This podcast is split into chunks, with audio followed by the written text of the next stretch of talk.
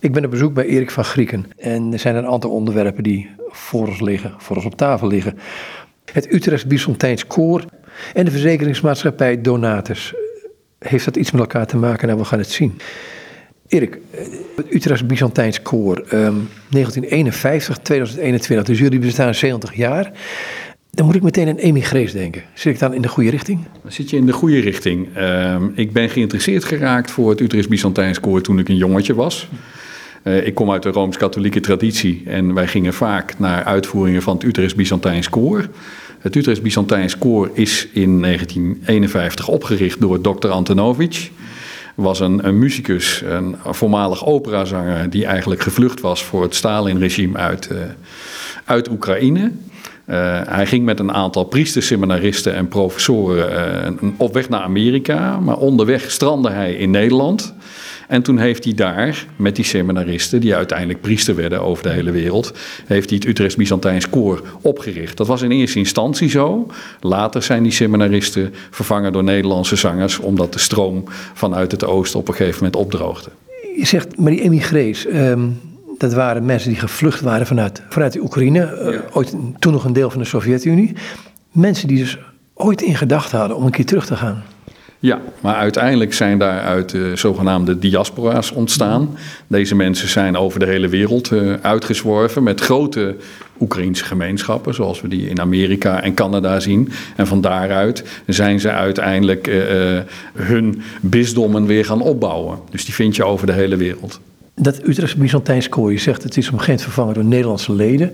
Um, ga je dan de muziek zingen die wezensvreemd aan onze cultuur is en onze manier van denken en doen? Ja, wezensvreemd in onze manier van denken en doen, maar ook wezensvreemd in de uitvoering. De muziek stamt uit de tijd van de heilige kerkvaders, hè? De, de heilige Basilius en de heilige Chrysostomus. De Byzantijnse zang is eigenlijk een dode taal. De, de Byzantijnse zang is geschreven in het Cyrillisch. Dat is in het kerkslavisch, zoals wij het ook altijd uh, zingen. En dat is dan meer vanuit de traditie. Als je kijkt naar de techniek van, uh, van de zang. Veel Nederlandse koren zingen vooruit in de, in de mond, zeg maar. Heel erg gearticuleerd. En de Byzantijnse zang zingt veel meer van achteruit de keel. En zingt ook veel meer vanuit zeg maar, de ziel. Dus het gaat aan de ene kant om bombastisch te kunnen zingen. En aan de andere kant ook heel erg pianissimo uh, te kunnen brengen. Ja, dat kunnen geen hele snelle melodieën melodie worden op die manier. Nee, dat klopt ook. Het zijn vaak lange melodieën. Toen de polyfone zang kwam hè, in de 16e, 17e eeuw, werd het ook meer stemmig. Hè, want de originele Byzantijnse zang is net als het Gregoriaans eenstemmig. De liturgische muziek is eigenlijk uh, de oermuziek, hè, waarmee we begonnen zijn uh, te zingen. Dat waren ook de priesterstudenten die eigenlijk in Nederland de liturgie wilden uh, volgen. Je kunt het een beetje vergelijken met de orthodoxe muziek die je ook elders vanuit het oosten hoort. Zij het dat er wel een verschil zit in de beleving. Maar later kwam eigenlijk pas de profane muziek. En in eerste instantie werden er alleen liturgieën uitgevoerd. Maar later werden er ook concerten gebracht, omdat er vanuit de samenleving en daarbuiten, hè, want we hebben over de hele wereld opgetreden, heel veel vraag kwam. Noem eens, noem eens de inhoud van één lied, gewoon maar willekeurig. Ne plach Rachile, dat gaat uh, over uh, Rachel, hè, de kindermoord. Het mooie en ook het indrukwekkende van deze muziek is, als je dit vreselijke verhaal kent, dan voel je gewoon waar het over gaat, ook al versta je de taal niet.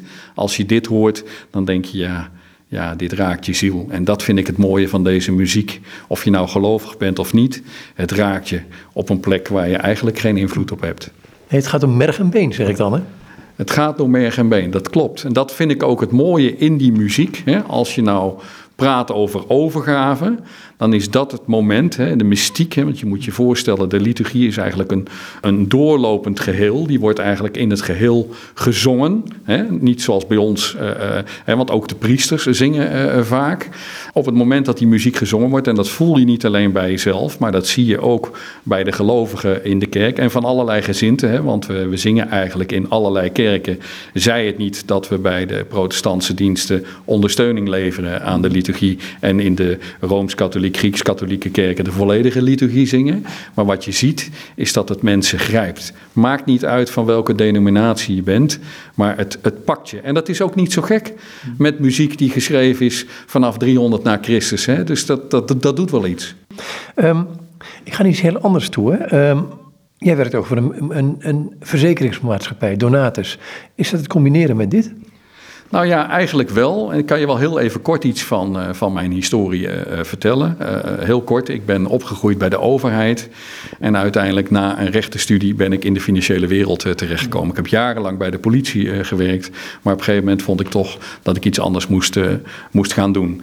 En via financiële bedrijven kwam ik uiteindelijk terecht in de vastgoedsector. Heel commercieel, heel hard en eigenlijk verlaten van alles. In de tussentijd, en dat was al in 2007, ben ik lid geworden van het Utrecht Byzantijns Koor, omdat ik vond dat er wat meer balans in mijn leven uh, moest komen. Ik heb ook, zoals veel mensen dat hebben, uh, jarenlang eigenlijk de kerk een beetje van mij afgehouden. En dan kom je op een gegeven moment kom je op een leeftijd dat je denkt van. Uh, waarom ben ik op aarde? Dat ga je je afvragen. En dan probeer je daar balans in te vinden. En ik vond deze muziek dermate mooi dat ik dacht van ja, nu heb ik die muziek wel. Maar ik wil eigenlijk ook iets erbij zoeken wat daarbij aansluit. En toen kwam ik via mijn netwerk terecht bij Donatus. Donatus, en dat is het mooie. Je kunt het een beetje vergelijken, niet op verzekeringsgebied, maar met, laten we zeggen, de opzet. Kwam ik terecht bij een onderlinge verzekeraar zonder winstoogmerk. En wat houdt dat in? dat alle verzekeringspenningen, die worden gebruikt om het apparaat natuurlijk te bekostigen en de schades uit te keren. Maar wat daarvan overblijft, minus apparaatskosten, dat wordt uitgekeerd aan de leden. Je kunt het zien als een soort diaconie, hoe gek het ook klinkt. Maar in feite zorg je ervoor dat je elkaars lusten en lasten deelt. Dus dat vond ik heel erg mooi, want via mijn werk kom ik ook in contact, en dat netwerk had ik al, met allerlei denominaties, Rooms-Katholiek, Protestants, Joods. Wij hebben, om je even een idee te geven, van de 7200 kerkelijke gebouwen in Nederland, hebben wij de 4600 in onze portefeuille. Dus met name zeg maar, die kerkelijke wereld, maar ook de monumentenwereld, waar inmiddels meer dan 10% tot onze portefeuille behoort, sprak mij enorm aan. Want zo kwam er eigenlijk een verstrengeling tussen wat ik in mijn werk doe en wat ik privé beleef en wat ik zing. want ik, ik ben niet alleen voorzitter van het Utrechts Byzantijns Koor, maar ik zing er ook. Ik zing bariton uh, bij dit koor. Maar die combinatie, kun je het verder uitleggen? Je zegt, het is heel logisch voor jou, maar zo klinkt het voor mij nog niet. Nee, dat, dat, nou kijk, het zingen brengt mij bij, bij mijn binnenste. En toen ik bij Donatus kwam werken, uh, werd er altijd gezegd: uh, verzekeren voorkomt geen schade. Dat is ook. Het is maar een middel. Hè? Het is een voorzienigheid. Kunnen we wel een keer een discussie over voeren.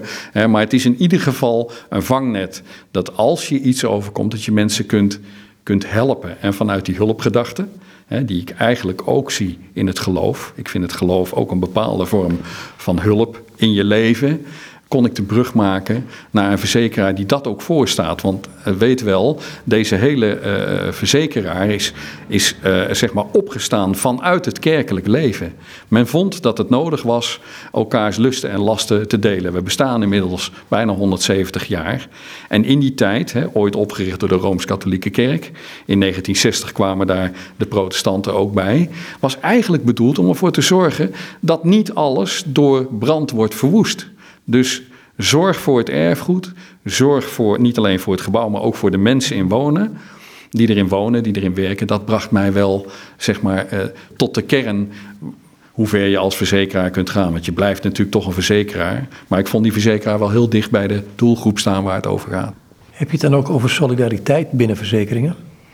Absoluut. Uh, net wat ik zei, men draagt elkaars lusten en lasten. We doen uh, ook veel op preventiegebied. Hè, dus we zorgen er ook voor dat mensen het instrumentarium krijgen om goed op hun erfgoed uh, te passen. Om dat ook over te dragen op komende generaties. En die gemeenschapszin is groot. Zowel bij Rooms-Katholieken als protestanten als andere denominaties. Goed, ik woon in een gewone woning. Dan denk ik, ja, moet ik ermee hè? Nou, een gewone woning kun je ook verzekeren, maar daar zit een commerciële verzekeraar achter als je het al verzekert. Hè. Kijk, als je het niet verzekert, dat is ieders vrije keuze. Monumenten, kerken hebben een bijzondere plek in de samenleving. Niet alleen als geloofsgebouw, hè. daar zit nog een verschil tussen, waarbij in de protestantse uh, wereld een kerk een geloofsgebouw is op het moment dat er wordt gevierd. Een rooms-katholieke kerk is een 24 uur per dag gewijd sacraal gebouw. Die kerken die vertegenwoordigen een heel belangrijke landmark, zoals je dat noemt. Het is een stadsgezicht. Het is een plek waar de klokken luiden. Het is een plek waar mensen worden gedoopt, waar ze trouwen, waar ze uiteindelijk ten graven worden gedragen. Dus dat soort gebouwen hebben een belangrijke plek in onze samenleving, die we ook voor de toekomst moeten blijven behouden. En eigenlijk geldt dat ook met monumenten. We hebben de zorg om dat op komende generaties over te dragen. Hoe zie je dit in deze maatschappij die dat toch aan het seculariseren is, waarin religie naar de periferie lijkt gedrongen lijkt te zijn, nu inmiddels misschien een comeback bezig is, maar goed? Ja, nou, ik weet niet of je wel eens van het begrip kerkenvisies hebt gehoord. Dat is uiteindelijk in 2019 is dat, uh, is dat uh, opgestaan. En kerkenvisies, dat is eigenlijk een samenwerking tussen burgerlijke gemeenten, kerkelijke gemeenten en de samenleving. We hebben een x-aantal kerkelijke gebouwen in Nederland. En wat gaan wij daarmee doen? Nou, een aantal mensen zegt van ja, vanuit religieus oogpunt wil ik daar gewoon kerken. Maar ook een aantal mensen zegt van ja, de godsverlating is inmiddels groot, zowel onder Rooms-Katholieken als, als, als protestanten. Wij moeten iets met deze gebouwen. Nou, wat men nu doet, is visies ontwikkelen, landelijk. Daar is geld voor. Minister heeft daar 13 miljoen voor vrijgemaakt. Om gezamenlijk tot een visie te komen om deze gebouwen voor de toekomst te bewaren. Heb je het dan alleen maar over niet-kerkelijke activiteiten? Nee, want sommige kerken worden ook doorbestemd. Hè? Van de ene denominatie uh, naar de andere. Dat heb je bij de Reformatie ook gezien. Hè? Dat op een gegeven moment Rooms-Katholieke eh, kerken werden doorbestemd naar protestantse kerken. Wel met behoud van het erfgoed en wel met behoud van het begrip godsgebouw. Dat is natuurlijk de prioriteit. Dan zeg je het op een hele vriendelijke manier. Waarom zou ik het om? Nou, okay, omdat tijdens de Reformatie kerken, gewoon, de katholieke kerken, daar is een beeldenstorm geweest, laten daar niet ja. vervelend Maar het, het, het, ging niet allemaal even uh, van harte. Nee, alleen ik denk dat de mens in tussentijd ook wijzer geworden is en ook meer aandacht heeft gekregen voor het erfgoed. Zoals ik wel eens meer vanuit protestantse kringen ook hoor, ja, we hebben met het badwater te veel weggegooid. Daar zat ook te veel schoonheid in. Ook het zicht op de beeldenissen in de toekomst is ook wat veranderd. En mensen proberen toch elkaar meer op te zoeken, want het aantal gelovigen wordt kleiner. En dan denk ik, als je dat al doet, dan moet je dat meer in een ecumenische vorm doen. Met vooral, denk ik, tolerantie in de richting van het gebouw. En, en dat zie je ook. dat zie je bijvoorbeeld ook in de Byzantijnse kerken. Daar zitten meerdere denominaties in één kerk. En dan wordt de kerk wordt aangepast op de denominatie die er op dat moment viert. Dat zou eigenlijk wel mijn toekomstbeeld zijn. Daar zijn we nog verre van. Maar daardoor zou je deze gebouwen op een veel interessantere wijze kunnen gebruiken. Maar zijn er Byzantijnse kerken in Nederland? Ja, er zijn Byzantijnse. Er staat er een in Utrecht. Uh, dat die staat ogenblik wel uh, te koop. Dat is de Jozefkerk op de, op de Draaiweg. Daar resideert de Oekraïnse, de Grieks-Katholieke kerk, uh, resideert daarin. Maar je hebt bijvoorbeeld ook de Katrien in Den Bosch. Je hebt de Senakelkerk in Nijmegen hè, van, van architect Stuit. Dat zijn allemaal Byzantijns gebouwde kerken, waar eigenlijk ook dat soort denominaties in huizen. Wat is het verschil tussen een, een protestantse, een katholieke en een Byzantijnse kerk? Begin bij die Byzantijnse. Je hebt de Byzantijnse, je hebt natuurlijk de Russisch-orthodoxe, die ook in het Byzantijnse vertegenwoordigd zijn. Maar je hebt bijvoorbeeld ook de Grieks-katholieken, tot die stroming behoor ik dan. Verschil zit erin het ja of niet erkennen van de paus. Hè. Dat is natuurlijk in 1054 al, uh, al aan de gang uh, geweest. En in de Byzantijnse kerk, uh, normaal is het zo dat daar de liturgie in de landstaal wordt gezongen. Alleen wij hebben ervoor gekozen in de oorsprong de liturgie in het kerk-Slavisch te zingen, omdat mensen het mooi vinden om deze muziek zo te beluisteren. in de Byzantijnse kerk is het ook zo dat de priester met zijn rug naar het volk staat, als ware hij de vertolker naar het eeuwige. Bij de Rooms-Katholieken is dat bij het Tweede Vaticaans Concilie in de 60 jaren is dat omgedraaid. Want men vond veel meer dat de priester contact moest hebben met het volk uiteindelijk. Hè. Daar, daar zit denk ik een verschil. En er is nog een verschil bij de, bij de protestantse kerk. Eh, dat gaf ik net al even aan. Daar is het gebouw alleen een godsgebouw op het moment dat er wordt gevierd. En bij de Rooms-Katholieken is de kerkzaal een 24 uur per dag gewijd gebouw. Dat maakt ook tegelijkertijd de definitie van nevengebruik en multifunctioneel gebruik moeilijker. Dat lijkt me ook. De centraliteit van het woord in de protestantse kerk, want dat wordt gezegd in de katholieke kerk, en ik weet niet hoe het in de Byzantijnse kerk is, mag je uitleggen. Staat het altaar centraal? Terwijl uh, ja, in de, de protestantse kerk toch de, het woord. Nou, Eigenlijk beide, want zoals ik je al vertelde, die liturgie die wordt eh, van voor tot achter uh, gezongen. Hè, waar je dus de priester aan het woord hebt, waar je de leken, hè, want de zangers zijn in de Byzantijnse ritus de laagst gewijde leden, dat zijn wij dus. Dat wij dus daar ook uh, zingen. Het altaar, daar vinden een aantal rituelen plaats. Hè. we lezen ooit in de Bijbel al wierook, mirre en goud. Nou, het mirre en goud eh, dat is er niet, maar de wierook wordt gebruikt als teken van het opstijgende gebed. Dus er vinden allerlei rituelen rond het altaar plaats. Sterker nog, achter het altaar is een afgesloten ruimte waar zeg maar, het meest heilige eh, eh, plaatsvindt in, in de, de liturgie, wat je dus niet kunt zien. Dat is de zogenaamde iconostase. Er zijn ook een aantal heiligen afgebeeld. En op bepaalde momenten is die iconostase is geopend, dat je dat kunt meemaken als gelovige, en op bepaalde momenten niet. Dat heeft er ook mee te maken dat zeg maar, de geestelijken eh, op de maximale manier verbonden willen zijn met het eeuwige. Daar kun je dus allerlei heerlijke gesprekken over hebben. Maar ga ik niet doen. Um, Donatus, hoe zit die hierin? Want daar hebben we het nog steeds over. Nou ja, Donatus is natuurlijk een onderlinge verzekeraar uh, zonder winstoogmerk. Donatus heeft ook uh, kernwaarden. wat wij heel belangrijk vinden is mogelijkheden te bieden voor eigenaren van kerkelijke gebouwen om die bij ons in een onderlinge structuur uh, onder te brengen. Donatus was natuurlijk van origine was het een religieuze verzekeraar. Hè? Want vroeger heette de verzekeraar de heilige Donatus. Hè? De heilige Donatus, genoemd naar een Romeinse soldaat die aan het begin van de jaartelling ooit zijn stad behoed heeft voor blikseminslag. Dus wij vinden die onderlinge structuur heel belangrijk. Wij hebben eigenlijk Sint Donatus geheten tot aan uh, de toetreding van de protestantse broeders. Want dat is wel leuk om te noemen. Die hadden één eis, Sint moest eraf. Nou, Sint is eraf. Wij zijn inmiddels geen religieuze verzekeraar SEC meer. wij zijn gewoon een onderlinge verzekeraar zonder winstoogmerk. En wij verzekeren nu ook, en daar zijn we natuurlijk ook toe gedwongen door leegloop vanuit de kerken. Daardoor zijn we in 2010 begonnen met het allokeren van monumenten. Alleen het mooie is wel, als je in de religieuze wereld noemt donatus, en wij hopen natuurlijk ook nog wat meer aan de rechterflank van de protestantse kerk in gesprek te raken. Om niet alleen maar te duiden op de verschillen, maar uiteindelijk ook op de mogelijkheden die je, die kerken kunt, uh, kunt bieden. Dat wij daarin nog kunnen groeien. want die stappen hebben we ook bij andere denominaties meegemaakt. want het item is natuurlijk hoe zit de, de, de voorzienigheid van, van de Heer in relatie tot het verzekeren van een object? Dat is altijd een hele interessante discussie. Nou, vertel me. Ik snap, hè, want wij als mens denken dat we alles in de hand hebben. Nou, dat hebben we niet. En dat geloof de maakbaarheid die kun je vergeten. Ja, dat, dat kun je vergeten. Dat hebben we in ieder geval niet. En als je dan uh, op verzekeren, ik weet vanuit mijn uh, politieverleden, maar dan aan de goede kant van de streep, laten we dat stellen, weet ik wel dat er ook mensen waren destijds die hadden bijvoorbeeld hun auto niet verzekerd. Ze waren gemoedsbezwaard omdat men, men vindt, ik hoef dat niet te verzekeren, want wat mij overkomt, dat beslist de Heer. Nou, daar kan ik me op zich in vinden, daar zijn ook regelingen voor getroffen. Ik heb al eens een gesprek gehad met een dominee. Dan hadden we het over uh, het niet verzekeren van de kerk, omdat dat met de voorzienigheid van de Heer te maken had. Op een gegeven moment kwamen we op de voorzienigheid van het wel of niet financieren van een kerk. En toen stelde ik de brutale vraag.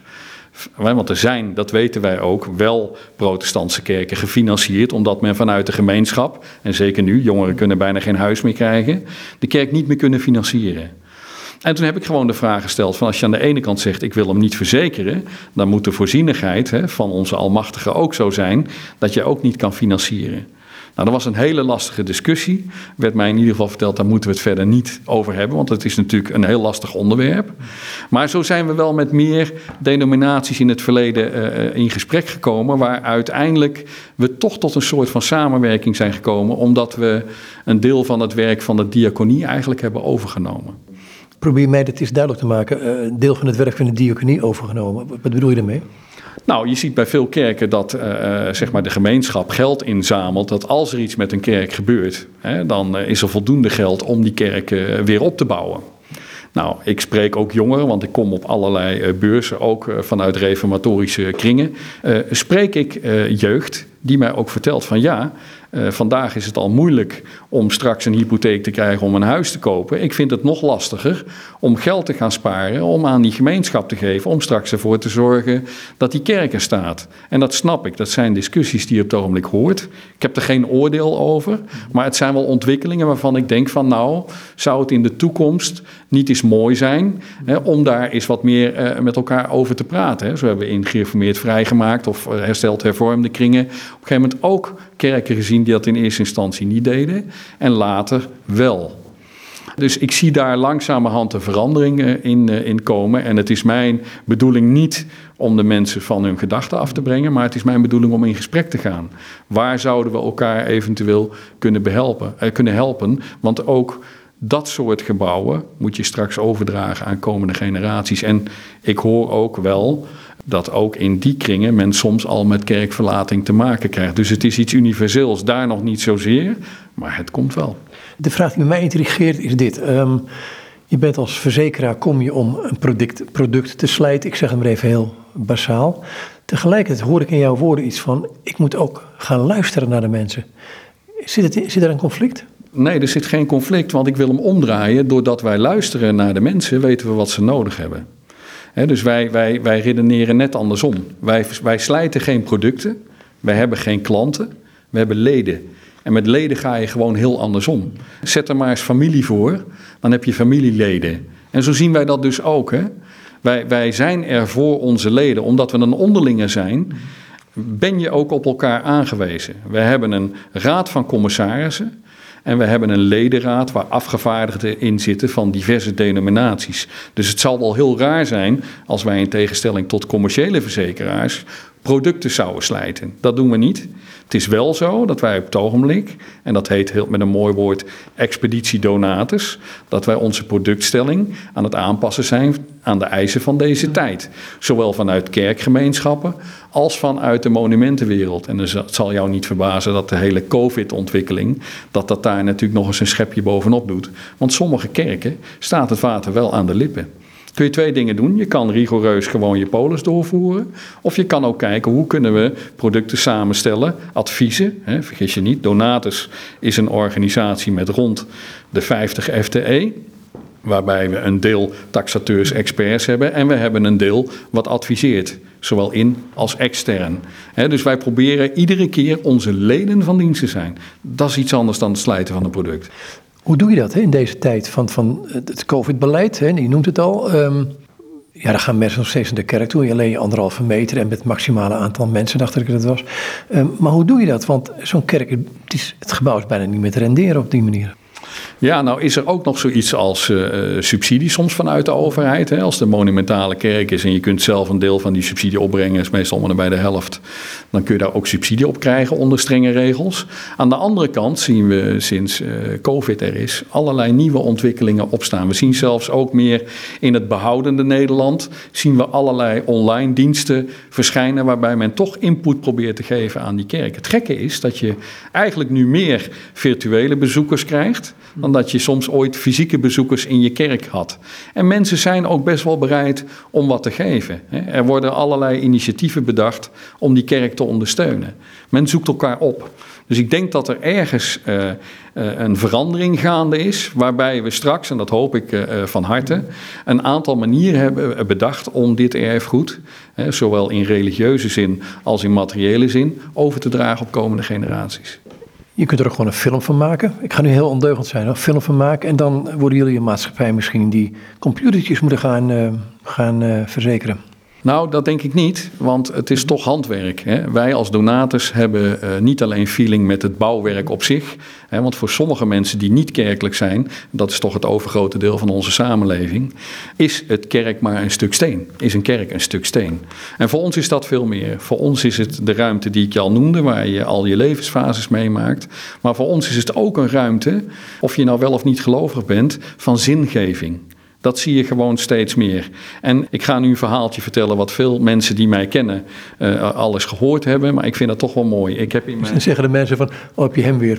Ja, daar heb je hem weer. En dan hoop ik altijd dat ik over een tijd kan zeggen: Nou, daar heb je haar ook eens een keer. Of hem nog eens een keer.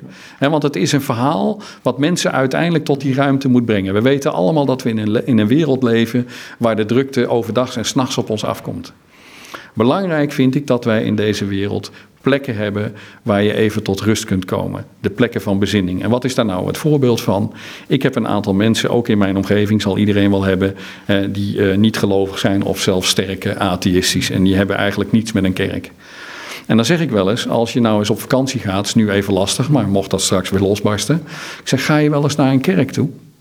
Nou ja, ja, ja, ja, ja, ja Zuid-Europa. Ja, nee, daar, daar, ga ik wel eens naar binnen. Ik zeg, oh, die, die, vraag had ik ook willen stellen, want het verbaast me altijd dat juist die mensen zeggen op vakantie altijd een kerk in. Ja, ja, en het leuke is, ook veel protestanten, als ze in Italië of Frankrijk zijn, gaan ze toch gewoon die Rooms-Katholieke kerk in. En dat is niet omdat er op dat moment niet beter is, maar het is gewoon omdat ze toch, ze hebben daar iets mee hè, in, in hun kern. En dan vraag ik, als je daar binnenkomt, steek je wel eens een kaarsje aan.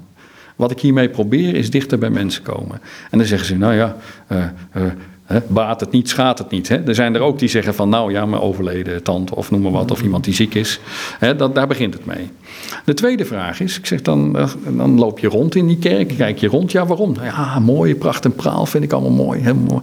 Ik zeg en dan op een gegeven moment komt het moment, dan ben je klaar met wandelen, je hebt alles gezien en dan ga je zitten. Ja, ga je zitten. Oké. Ik zeg, sluit je wel eens je ogen. Nou, dan merk ik dat ik dicht bij mensen kom. En ik wil helemaal geen prediker uithangen, maar ik wil gewoon dicht bij die mens komen. Dan vraag ik, sluit je wel eens je ogen.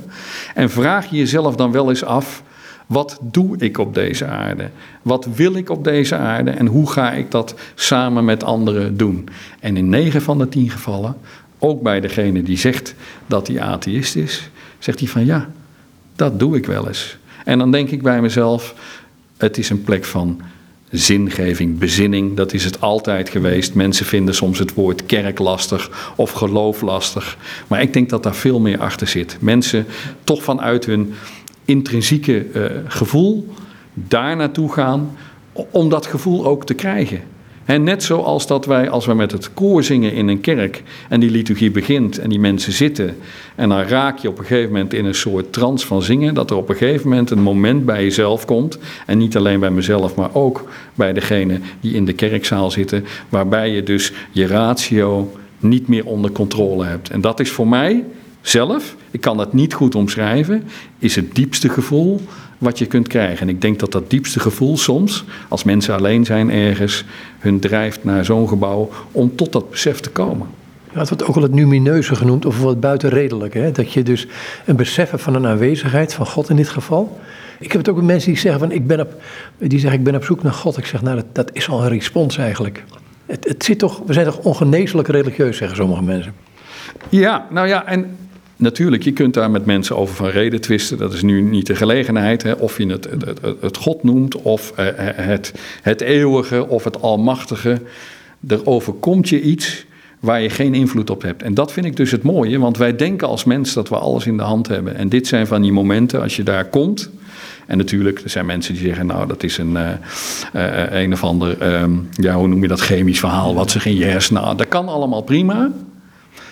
Ik, ik denk dat dat anders zit. Uh, en ik ervaar dat op het moment dat ik in dergelijke ruimtes kom en in dergelijke ruimtes zing en met mensen daar, uh, maakt niet uit van welke denominatie ook, daarover spreken. Want daar vind je elkaar. Dat is trouwens sowieso mijn credo, in dit geval klinkt dat ook leuk, dat je altijd op zoek moet gaan naar de overeenkomsten. Hè? Want wie had anders ooit gedacht hè, dat je als uh, vanuit een rooms-katholieke stal met een Grieks-katholieke zangcultuur uiteindelijk bij een reformatorische omroep terecht zou komen. Dat had je 50 jaar geleden niet kunnen denken. En nu zoek je elkaar toch op. En daar wil ik wel een heel leuke anekdote bij vertellen. Ik ben bevriend met een van de bestuurders van, uh, van die omroep. En als wij wel eens ergens komen, dan vragen mensen zich altijd af: nou, wie zijn dat en wat doen ze nou? En dan zegt hij wel eens: ik ben revogelisch en hij is proteliek. Nou, dat moet even landen. Vinden mensen lastig om dat te horen. Maar wat het eigenlijk duidt, en dat vind ik wel belangrijk, is dat wij voor onszelf zoveel hokjes hebben opgeworpen dat we niet meer openstaan, niet meer kunnen luisteren naar wat heeft die ander nou te melden. En dat vind ik heel mooi. Nou, ik, ik, merk, ik kom weer uit de vakantie terug. Ik merk het aan mensen die vanuit heel orthodoxe kring, protestantse orthodoxe kring, uh, in het buitenland komen. En nu rustig, bij wijze van spreken, een baptistengemeente binnengaan. Omdat ze daar toch in de prediking Jezus Christus herkennen, denk ik, ja. En als ik dan vraag, zou je dat in Nederland ook doen? Nee, beslist niet. En dat vind ik toch, ik moet altijd bij glimlachen, maar tegelijkertijd vind ik het ontzettend plezierig dat het in ieder geval in de vakantie gebeurt. Ja, maar die vakantie zou je kunnen uitbreiden door je, je voelsprieten eens neer te leggen waar dat kan. Ik heb diverse mensen, eh, ook vanuit die achtergrond, die ik heb verteld. Kom nou eens gewoon naar ons luisteren en laat nou het woord Grieks-katholiek of Byzantijns of wat je ook vindt, laat dat eens even los. Ga daar zitten, de tekst kun je toch niet lezen. Laat het eens over je komen en wat vind je er daarvan? Nou, ik heb diverse mensen gehad die, uh, laten we zeggen, uit de omgeving Kesteren op Heusden. Daar heb ik ook een paar zakelijke uh, vrienden hè, die wat meer aan de rechterkant zitten van het protestantse uh, spectrum. Uitgenodigd om te komen. En die zeiden van, maar dit is mooi, dat wisten we niet. Ik zeg, wist je dat niet omdat je er niet in hebt verdiept? Of wist je dat niet omdat anderen vonden dat je je er niet in moest verdiepen? En toen zeiden ze, nou, dat laatste moet ik je ook wel bekennen. Dat heb ik ook wel meegemaakt. En zo is het andersom ook. Hè? Uh, daarom gelden voor mij die grenzen niet. Ik probeer altijd consensus te zoeken en het samen te doen. Want God was er ook altijd voor ons samen en is er voor ons samen. Dus waarom zou je het dan ook niet samen doen? Zonder alleen maar te duiden op het onderscheid en niet op de overeenkomst. Het is al überhaupt belangrijk om tegenover elkaar te zitten of naast elkaar te zitten en gewoon een gesprek eens aan te gaan, elkaar in de ogen te kijken. Ja, elkaar in de ogen te kijken en vooral ook van mening te verschillen. Daar leer je namelijk van. Door de verschillen te benoemen en elkaar te respecteren in de verschillen die je beleeft. Want als ik jou uitleg waarom ik dat een verschil vind, heb ik bij jou al meer begrip en andersom ook. En soms kom je dan tot de kern dat het eigenlijk niet eens zoveel verschilt. Je zei eerder in het gesprek over donators, er zijn een aantal basiskenmerken, basiswaarden. Uh, wat zijn die? Heel belangrijk, donators hecht veel waarde aan goed werkgeverschap want ik vind zoals je de leden van jouw eh, verzekeringsmaatschappij, hè, jouw, jouw doelgroep behandelt, moet je ook je personeel uh, behandelen. Dus we zijn bevlogen. Hè, we zijn heel bevlogen in de dingen die we doen, omdat we het voor anderen doen. We doen het niet voor premie, want we hebben geen winstoogmerk. Dus we doen het om uh, zo goed mogelijk de mensen van dienst te zijn. We zijn deskundig. Ik gaf je al even aan. We hebben een eigen bouwtechnische dienst. Hè? De afdeling taxatie en expertise. Nou, het zegt het eigenlijk al. Aan de ene kant zijn we heel goed in het duiden van hoe de gebouwen erbij staan. En vergis je niet, wij verzekeren tegen herbouwwaarde. Hè? Geen economische waarde, zoals je wel eens uh, ziet. Herbouwwaarde houdt in op het moment dat het door brand of wat verwoest wordt, dan wordt het weer in de originele staat, zoals het was gebouwd. We zijn degelijk. Een woord is een woord. Daar staan we ook voor. Wat we met onze leden afspreken, komen we ook na. Het mooie is van zo'n onderlinge uh, structuur dat je dat ook wel moet doen. Want anders word je daar natuurlijk heel snel op aangesproken. Nou, we doen dit al 170 jaar. We hebben pas geleden weer een ledenonderzoek gedaan. En daaruit bleek, uh, en niet omdat ik dat nou toevallig moet zeggen, maar dat men uitermate tevreden was over de dienstverlening van, uh, van donators. Onze adviseurs weten wie hun leden zijn. En dus je kunt persoonlijk contact zoeken met iemand. Terwijl je bij een commerciële verzekeraar, die we straks al even noemden, ben je in feite gewoon een nummer. Dus we zijn heel erg betrokken bij de dingen die we doen. Hebben jullie een website bij Donatus? Ja, dat is www.donatus.nl. En we hebben natuurlijk ook een info, info.donatus.nl.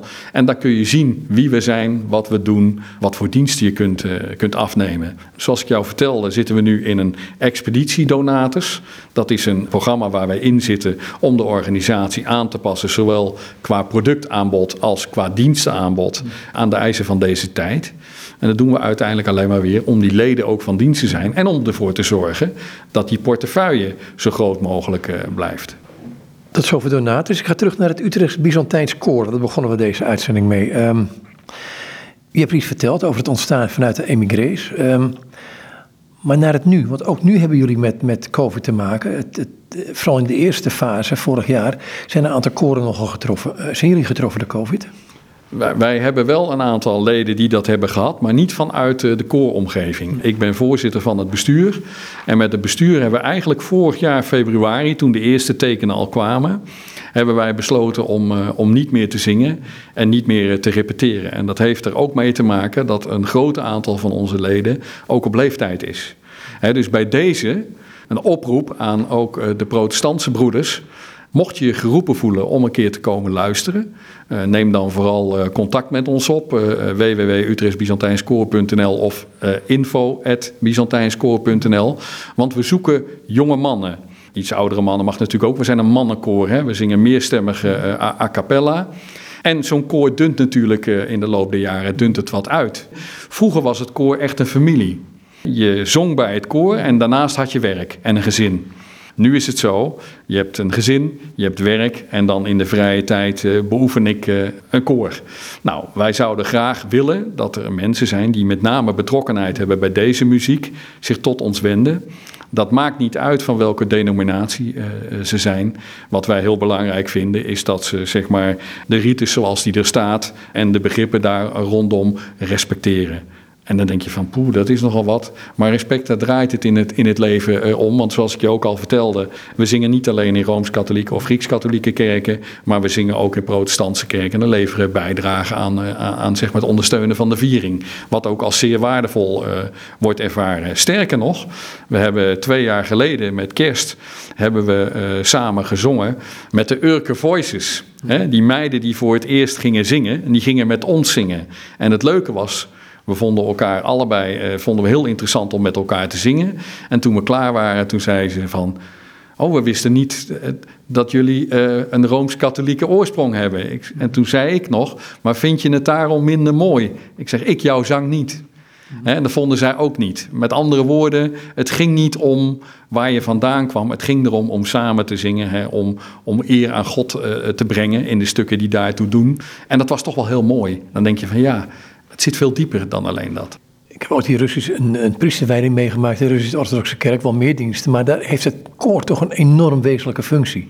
Zijn het dan, wat je zegt, alleen maar mannen? Het zijn alleen maar mannen. En dat is ook logisch, want de priesterstudenten, toen het koor begon, dat waren natuurlijk ook, uh, ook mannen. Hè? De laagst gewijden binnen het koor, die inderdaad gedurende die hele liturgie, en die duurt uh, soms wel twee uur, eigenlijk uh, zingen. Het is een vraag en antwoord. Hè?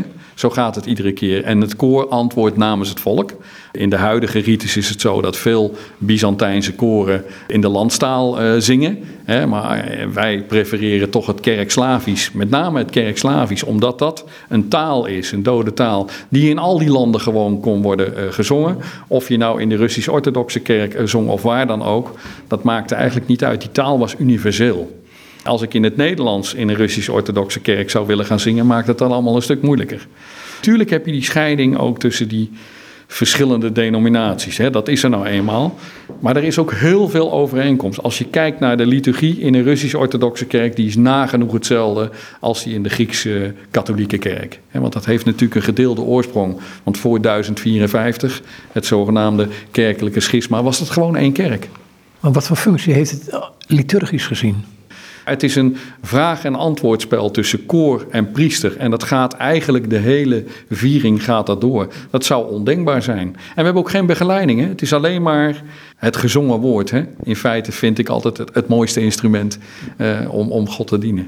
Van achteruit diep in je keel precies van achter. Dat is ook een, een verschil tussen de zang die wij in Nederland zien, die vaak voor in de keel, in het verhemelte wordt gezongen en met een hele duidelijke uh, articulatie. In de Byzantijnse zang uh, word je erop getraind om aan de ene kant heel zacht hè, het pianissimo uh, te kunnen zingen. Dus dat heeft heel veel met ademsteun te maken. Maar met name het zachte, dat is moeilijk. Ik vind altijd de wat betere koren herken je aan een betere ademsteun. Maar ook enorm forte te kunnen uh, zingen op het moment dat, dat, uh, dat dat moet. Daarnaast werken wij ook met koorademhaling.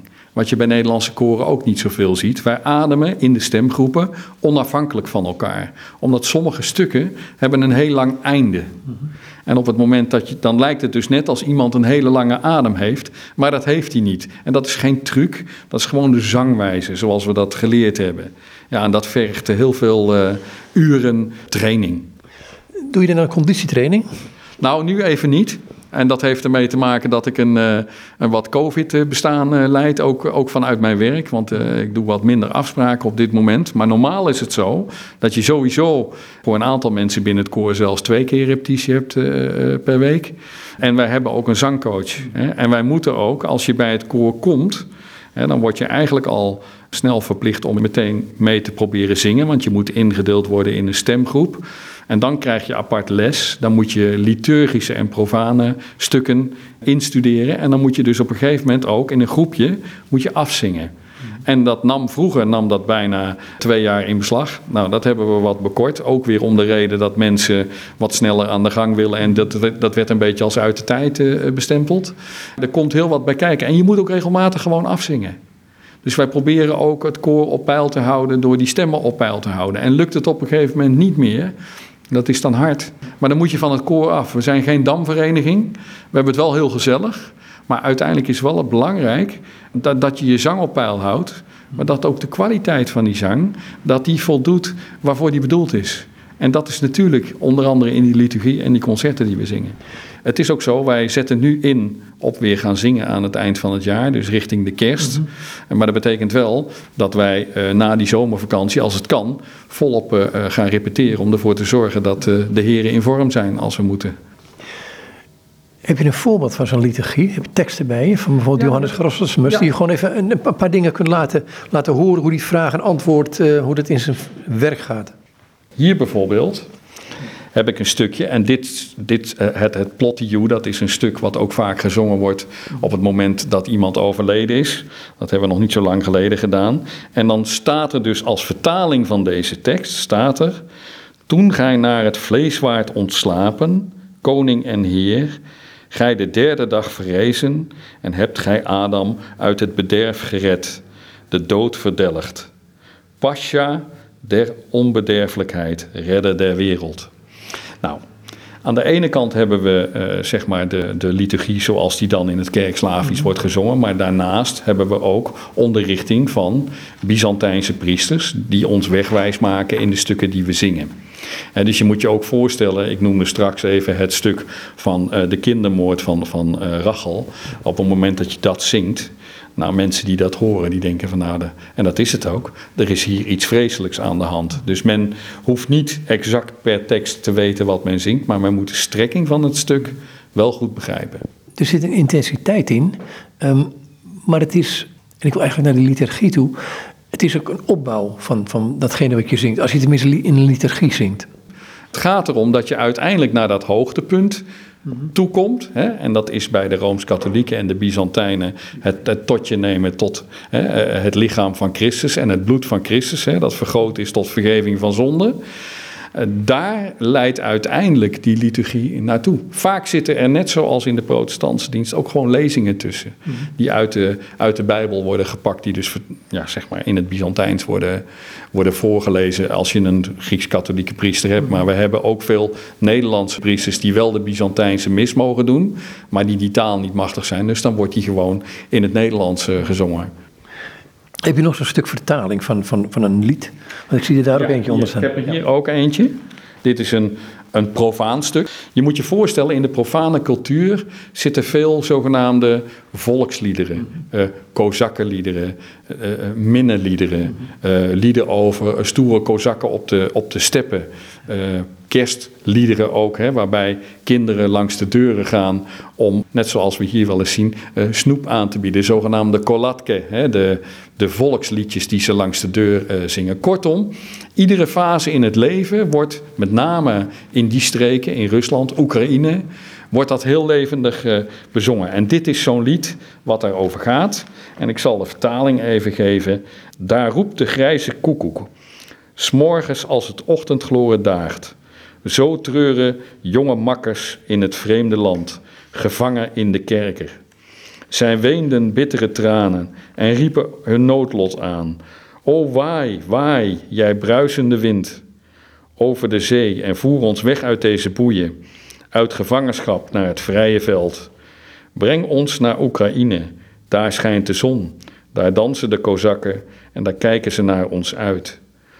Om hun broeders te redden maken de Zaporozhiërs de grootste haast. Maar toen de Turkse sultans dit hoorden, lieten ze nog sterker boeien smeden. Want jullie doen veel Oekraïens, merk ik. Hè? Het, is, het, is, vanuit de Oekraïne begonnen met de emigrees. Um, is er nou ook een omgekeerde beweging van hieruit naar de Oekraïne toe? Nou, wij proberen als koor sowieso de verbindenis met Oekraïne uh, te houden. En het vervelende is ook dat binnen het, het, politieke spectrum tussen Rusland en Oekraïne natuurlijk het nodige is gebeurd. Hè? We hebben in de dertiger jaren, hebben we, dat weten veel mensen niet, hebben we de zogenaamde Holodomor gehad, hè? de hongersnood, waarbij meer dan 6 miljoen Oekraïners uh, de dood vonden. Want we noemden Oekraïne ooit wel eens de graanschuur van Europa. Als je naar de vlag kijkt van Oekraïne, dan zie je heel mooi de blauwe lucht en daaronder de gele streep, dat was zeg maar het kapitaal van dat land. Dus ook kerkelijk gezien waren er natuurlijk al verschillen, maar die zijn daardoor verder uit elkaar gedreven. Dat zie je nu ook in het oosten, daar bij het Donbassgebied, waarbij eigenlijk broedervolken tegenover elkaar eh, komen te staan. En dat heeft ook zijn repercussies in de kerk. waren het niet dat de ecumenisch patriarch van Constantinopel nog niet zo lang geleden de Oekraïnse kerk ook definitief heeft gescheiden van de Russische, wat, uh, wat heel lastig is. Maar om op jouw vraag te antwoorden, gaat er ook veel richting Oekraïne. Je ziet vanuit de diverse diaspora's over de hele wereld, Amerika, Canada, hele grote gemeenschappen dat mensen toch weer nu de verbinding zoeken met dat moederland, omdat men eigenlijk graag wil dat dat moederland, en dat zal nog lang duren, zich gaat aansluiten bij de Europese Unie. He, uh, ik zelf heb veel contacten met ook uh, de uh, hoogwaardigheidsbekleders, zowel in Oekraïne, maar ook hier in Nederland, de ambassadeur die ik goed ken, om te kijken hoe we die banden, niet alleen op kerkelijk gebied, maar ook op economisch gebied, kunnen versterken om dat volk te helpen. Goed, we zijn heel lang een onderdeel van de Sovjet-Unie geweest, of de Unie van Sovjet-Republieken, zoals het zo mooi zou kunnen heten. Merk je dat die cultuur, en zoals dat hierin uitgedragen wordt, dat Byzantijnse, weer een plaats krijgt daar? Nou, het grappige is dat uh, als je ook kijkt naar hoe het in de Oekraïne ooit gezongen werd. Hè, wij zingen uh, kerkslavisch met een Oekraïense uitspraak. Die heeft eigenlijk, dat is heel vreemd, toch na dat kerkelijk schisma in Rusland heel veel navolging gekregen. Verschil is met name, wat ik zei, er is een, een, een, een theologisch uh, verschil is, is er eh, verder in die diensten eigenlijk niet zo heel veel veranderd. Alleen uh, Russen worden betiteld als Russisch-orthodoxe. En je hebt dan de Oekraïens-orthodoxe kerk en de Oekraïens-Grieks-katholieke kerk, hè, die groot is ook. Hè. Als je nou bijvoorbeeld in Kiev komt, in die kathedraal, daar zit dus eigenlijk de Oekraïens-orthodoxe uh, kerk, die de, die de, de Russische uh, mis zingt. En als je dat dan hoort en je neemt dat tot je, dan zit er daar nagenoeg helemaal geen geen verschil in. Dus politiek gezien is het een heel groot ding. Maar kerkelijk gezien, uh, wat de mensen betreft, is het niet zo groot. Wat de kerkvorsten betreft wel. Dan gaat, dan gaat het Utrecht Byzantijns Koor uh, 1951 begonnen, maar het zingt repertoire. Onder andere ook vanuit Basilius de Grote, Chrysostomus, dus uit die vroege kerkperiode. Ga je dan ook daar wat meer op richten in die zin van wat is daar gebeurd en waarom zong men dat? Destijds heeft de oprichter, Dr. Antonovic, want die was niet alleen operazanger, maar die was ook muzikus en die was ook kerkgeleerde en die was ook componist, heeft zich met name op die muziek gericht, zeg maar ook in de richting van het, van het polyfone. Hè? Want, want, van origine was het natuurlijk eenstemmig, die muziek. En laten we wel zijn, als je leest over uh, Chrysostomos, is eigenlijk nog een grotere kerkvader van betekenis dan de Basilius. Uh, wij zingen, en dat heeft met de voorkeur van de dirigent te maken zingen wij eigenlijk uh, bijna alleen maar Chrysostomus. Uh, na hem kwam er een andere dirigent, Grigori uh, Sergei Sarolia. Dat klinkt heel mooi uh, Oosters, maar dat was een Nederlander die, die wel de naam Sarolia, maar die komt uit België, dat is wel heel grappig. Maar die heeft jarenlang dit koor geleid. Heeft er ook weer wat Russische invloeden ingebracht, want hem sprak meer de monastieke gezangcultuur aan. Nu hebben we een dirigente, Irina Gorvanko. Dat is een Oekraïense die uit het westelijke deel van Oekraïne uh, komt. En die heeft weer meer, zeg maar, met de uh, liturgische zang zoals die op dit moment uh, wordt gezongen. en, en ook meer, zeg maar, met de profane liederen. Want wat we wel eens vergeten is dat die profane liedcultuur van Oekraïne heel rijk is. Daar zitten ook veel van oorsprong liturgische gezangen in. Maar goed, er zijn ook um, klassieke componisten. Ik denk aan Tchaikovsky, die, die, die bijvoorbeeld um, gewoon een liturgie la Chrysostomus gewoon op muziek hebben gezet. En dan weet je ook niet wat je hoort. Prachtig ook. En, en het leuke is, want het is wel goed dat je dat zegt, wij zingen deze liturgie al heel lang.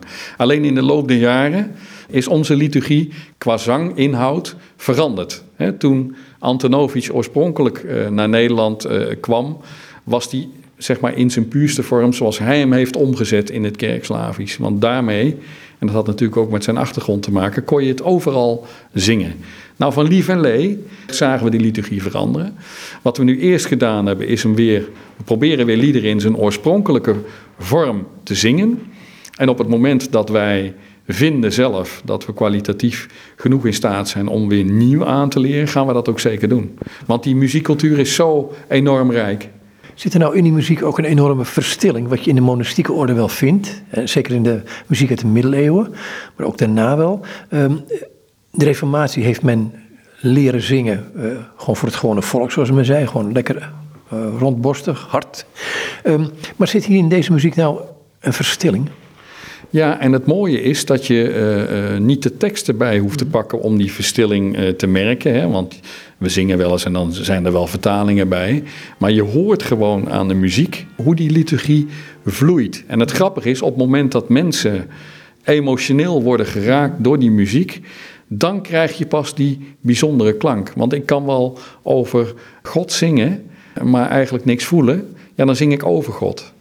Maar het is veel mooier om het gevoel te krijgen dat je, dat je voor God zingt. Hè? Zoals in de Byzantijnse rites ook zeggen, eeuwigdurend voor Gods troon. Hè? Dat is niet maar zo een kreet, maar dat is iets heel bijzonders wat je dus voelt als je daar zingt en als je daar staat dan doet dat iets met je. Je moet ook even afkicken als je naar huis gaat. Het is niet zo van, ik heb hier even een lekker uh, uh, robbertje uh, lopen zingen. Nee, ik, he, ik heb hier ode gebracht aan hetgeen waar ik in geloof, waar ik voor sta.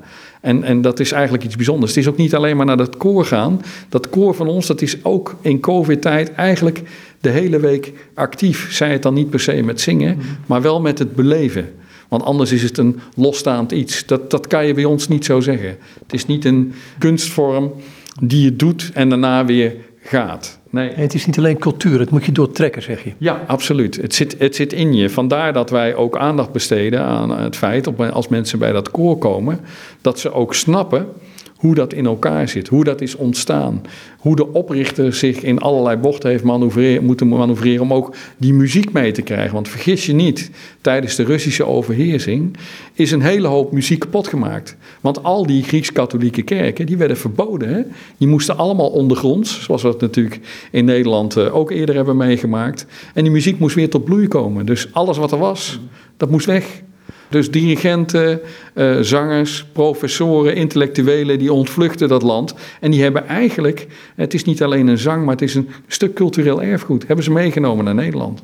Dat past bij het Byzantijns koor, of het uh, Utrechtse Byzantijns koor moet ik zeggen, maar ook bij Donatus. Dat past ook bij Donatus. Want En ook bij Erik van Grieken dus. Nou ja, anders zou ik het beide niet doen.